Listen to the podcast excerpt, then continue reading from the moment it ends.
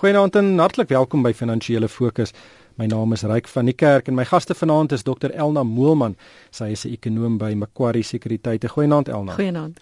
En Magnus Huystek, beleggingskenner by Brenters 12. Goeienaand Magnus. Ja, goeienaand Ryk en hallo Elna. Wel die groot nuus van die week was natuurlik die begroting van die nuwe ou minister van Finansies Pravin Gordhan. Uh, en die sleuteltema was 'n fokus op fiskale dissipline uh, en die meer doeltreffende aanwending van staatsgeld.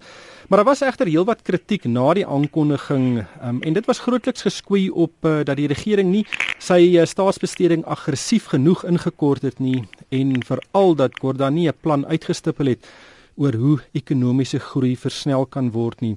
Maar daar is tog 'n gevoel dat hy dalk net net genoeg gedoen het om 'n verdere verlaging van die kredietgradering te vertraag. Uh, maar Elna, dink jy die kritiek wat hy ontvang het na die aankondiging was billik?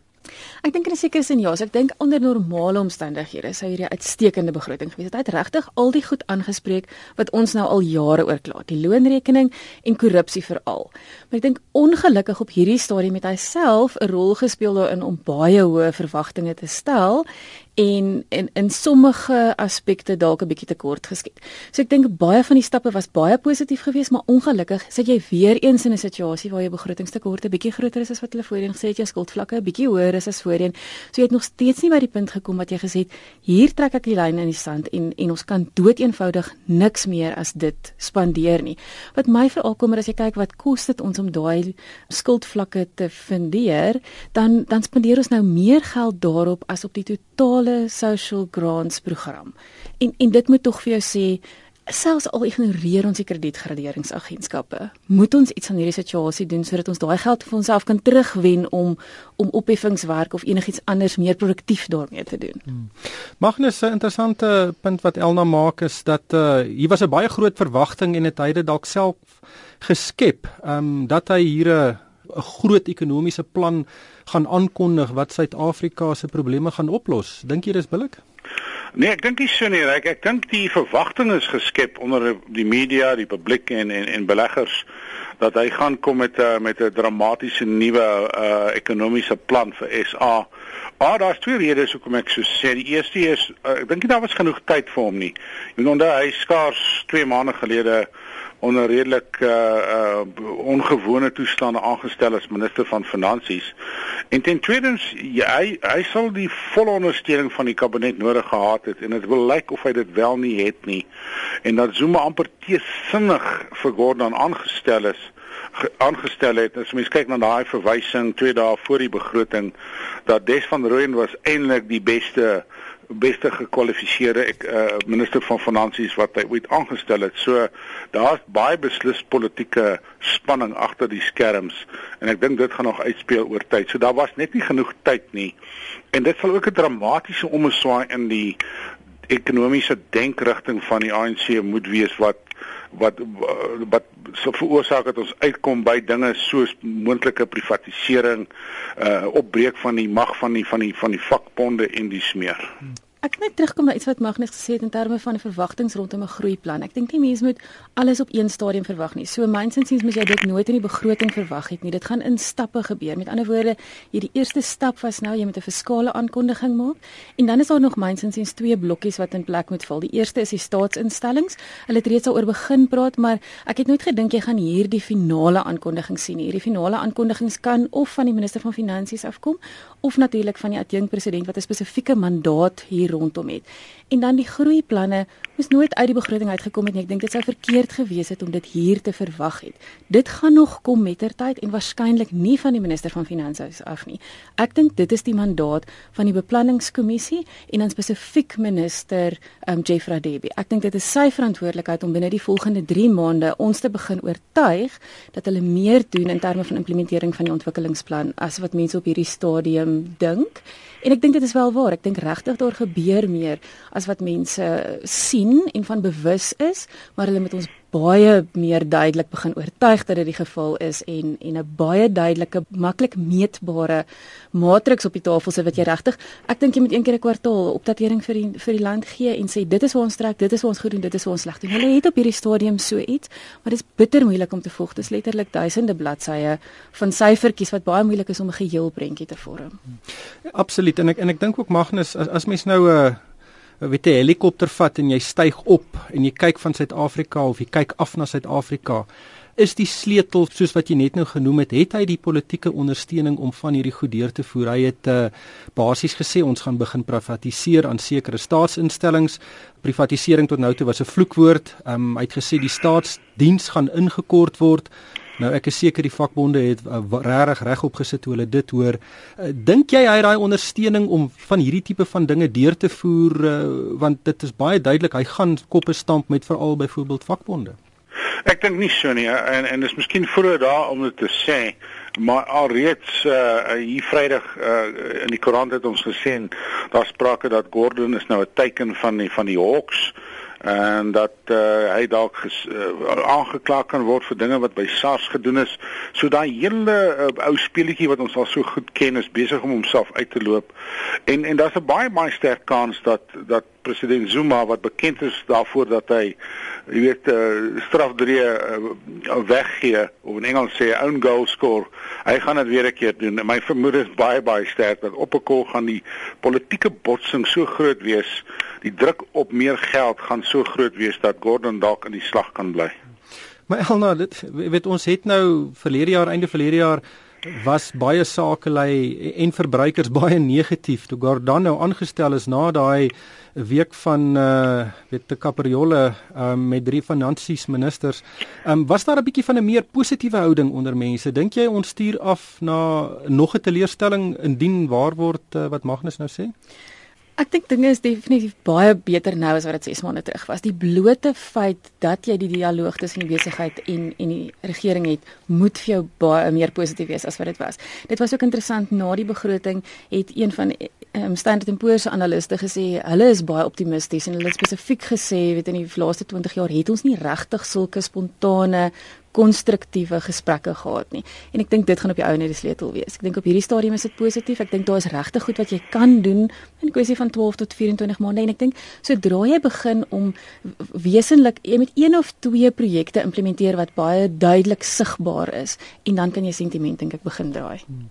Magnus een van daai projekte is dalk die uh, ver verbeterde kommunikasie tussen die regering en senior sakelei wat uh, baie belangrik is vir Gordon. Hy het dit 'n hele paar keer genoem in sy begrotingstoespraak.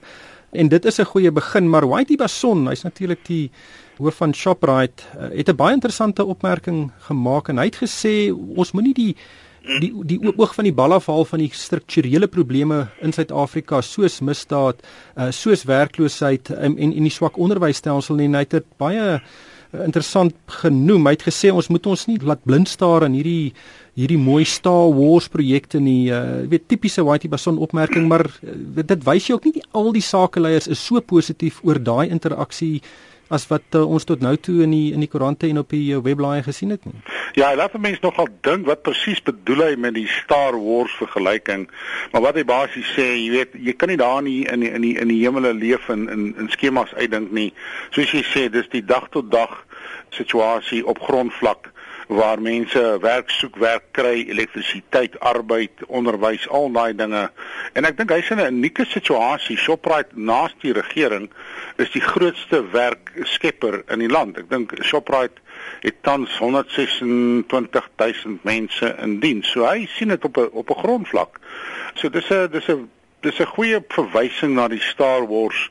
Ons probleme is op grondvlak. Dis nie hierdie groot skemas wat ons uh, dalk gaan of nie gaan doen nie. Hmm. Ja, nou ek wil graag die gesprek verskuif na die SAL. Dis natuurlik een van uh die regering se grootste mislukkings op die oomblik en dit word baie keer gesien as 'n voorbeeld van uh die die die toestand van die hele staatsdiens. Uh dink jy daar's hoop? Het jy 'n bietjie 'n positiewe geur gekry oor uh, die planne wat daar vir die SAL is? Ek dink die aankondigings wat ons tot nou toe gesien het was redelik positief. As jy nou 'n jaar terug gaan en iemand sou vir jou gesê het hulle gaan hierdie aankondigings maak oor samesmeltings van die verskillende ligrederye en 'n uh, 'n privaat sektor aandeelhouer, dan sê waarskynlik gedink dit is baie onwaarskynlik. So ek dink dit is baie positief en weer eens dink ek die belangrikheid is net staan 'n bietjie terug en sê 'n jaar terug was Eskom 'n totale chaos. Dis definitief nou beter.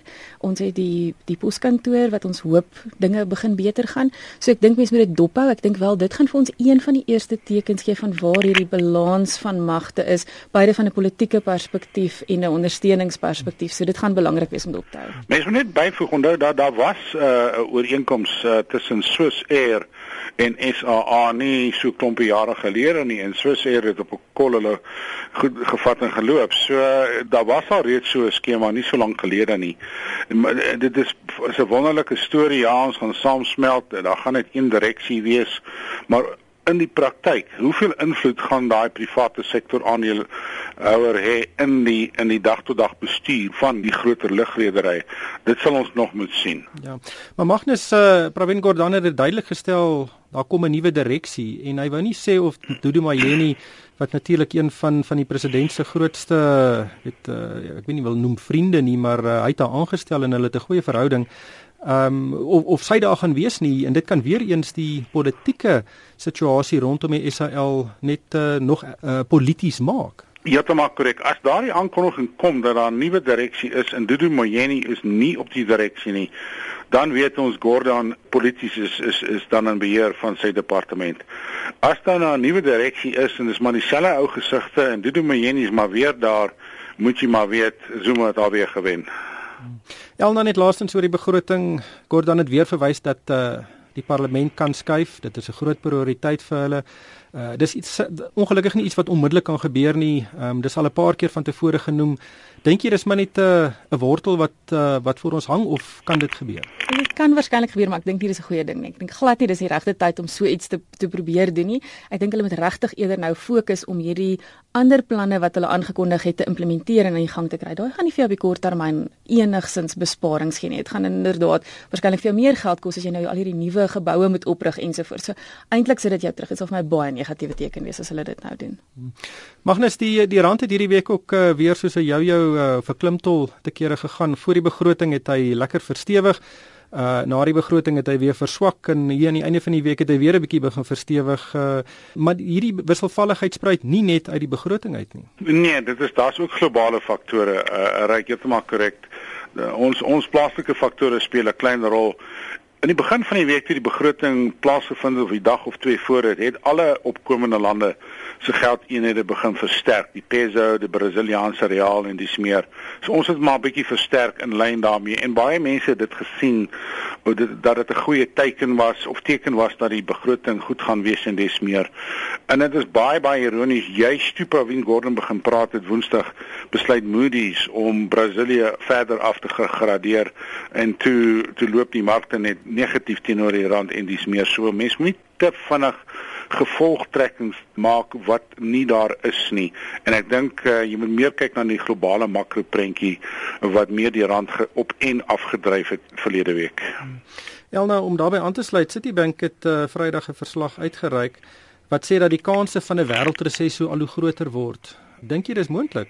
Ek dink dit is onmoontlik nie. Ons siening is dat as jy mooi na al die aanwysers gaan kyk en waar die verskillende lande is, dan is daar dele wat baie sleg doen, beide in terme van geografiese verspreiding, maar ook in terme van wat ons sien in verskillende sektore. Oor die algemeen is jou industriële produksie baie swak wêreldwyd.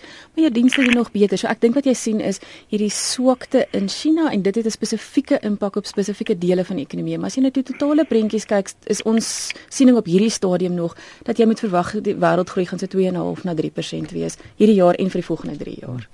Magnus, uh, jy was ook 'n joernalis um, en en en die media plaas baie fokus op korttermyn statistiek. Um, en het, ek kry hierdie gevoel dat Ehm um, hier niemand weet eintlik waarheen ons gaan nie. Die hele mark reageer elke tweede dag op 'n klein stukkie statistiek uh wat in Amerika gepubliseer word wat dalk nie daarop kan aandui dat die ekonomie nie so sterk is soos wat hy is nie, maar die volgende dag is daar ene wat wel onderstreep dit gaan eintlik relatief goed en dan spring die markte weer. Is is ons in so 'n scenario? Ons is baie beslis met die, die tegnologie en die internet en en en feitelik oombliklike kommunikasie is die markte geneig om verskriklik te reageer op on, totaal onverwante gebeure. Jy moet so 'n bietjie terug staan en die City uh, Bank verslag uh en en 'n vorige een van Goldman Sachs so 'n week of twee gelede dui daarop dat die wêreldekonomie is besig om af te koel. Jy kyk na die Baltic Dry Index, dis die indeks van van uh, uh, verskepings, vraghouerskepe waar die indeks uh, op 'n laagtepunt is. Met ander woorde, die wêreld se skepe, die groot tankers wat ons sien, is leeg. Hulle vervoer niks van China na Amerika of van Amerika na Afrika toe nie. En dit is vir my een van die indikators dat die moontlikheid van 'n wêreldresessie is uh is betreklik groot. Elna, Suid-Afrika, die uh tesorie verwag groei van 0,9%. Baie mense dink dit is 'n baie ambisieuse groei teiken. Uh dink jy die resessie spook kan ook hier 'n uh, draai maak?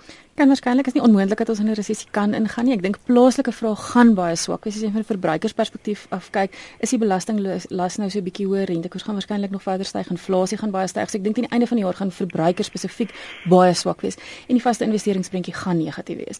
Dit dit is baie onder druk van die regeringskant af en natuurlik die private sektor. So dit bly baie negatief. Waar jy natuurlik 'n bietjie meer positiewe nuus kan kry is op die netto uitvoere. So ons uitvoere behoort nog steeds aan te groei en ons invoere behoort onder baie druk te wees. So jy gaan waarskynlik iewers tussen 'n half persent en 1% opeindig vir hierdie jaar.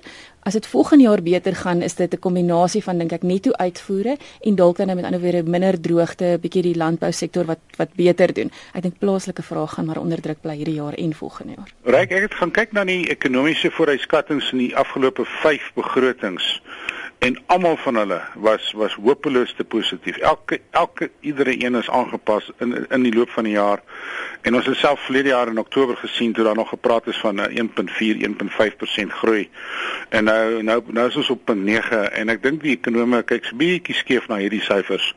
Sê dis weer eens te positief. Uh ons praat miskien van 'n halwe persent netbank het onmiddellik gesê hulle sien 'n punt 2 groei persent hierdie jaar. I mean ons weet Mike Schuster praat van 'n resessie. So ek dink daar's 'n baie goeie kans dat die vooruitskatting van Pravin Gordhan is weer eens te positief. Hmm. Ongelukkig hierdie tyd ons ingehaal. Baie dankie aan Dr Elna Moelman van Macquarie en Magnus Huystek van Brentes 12. En van my ryk van die kerk, dankie vir die saamluister en ek koop almal 'n winsgewende week.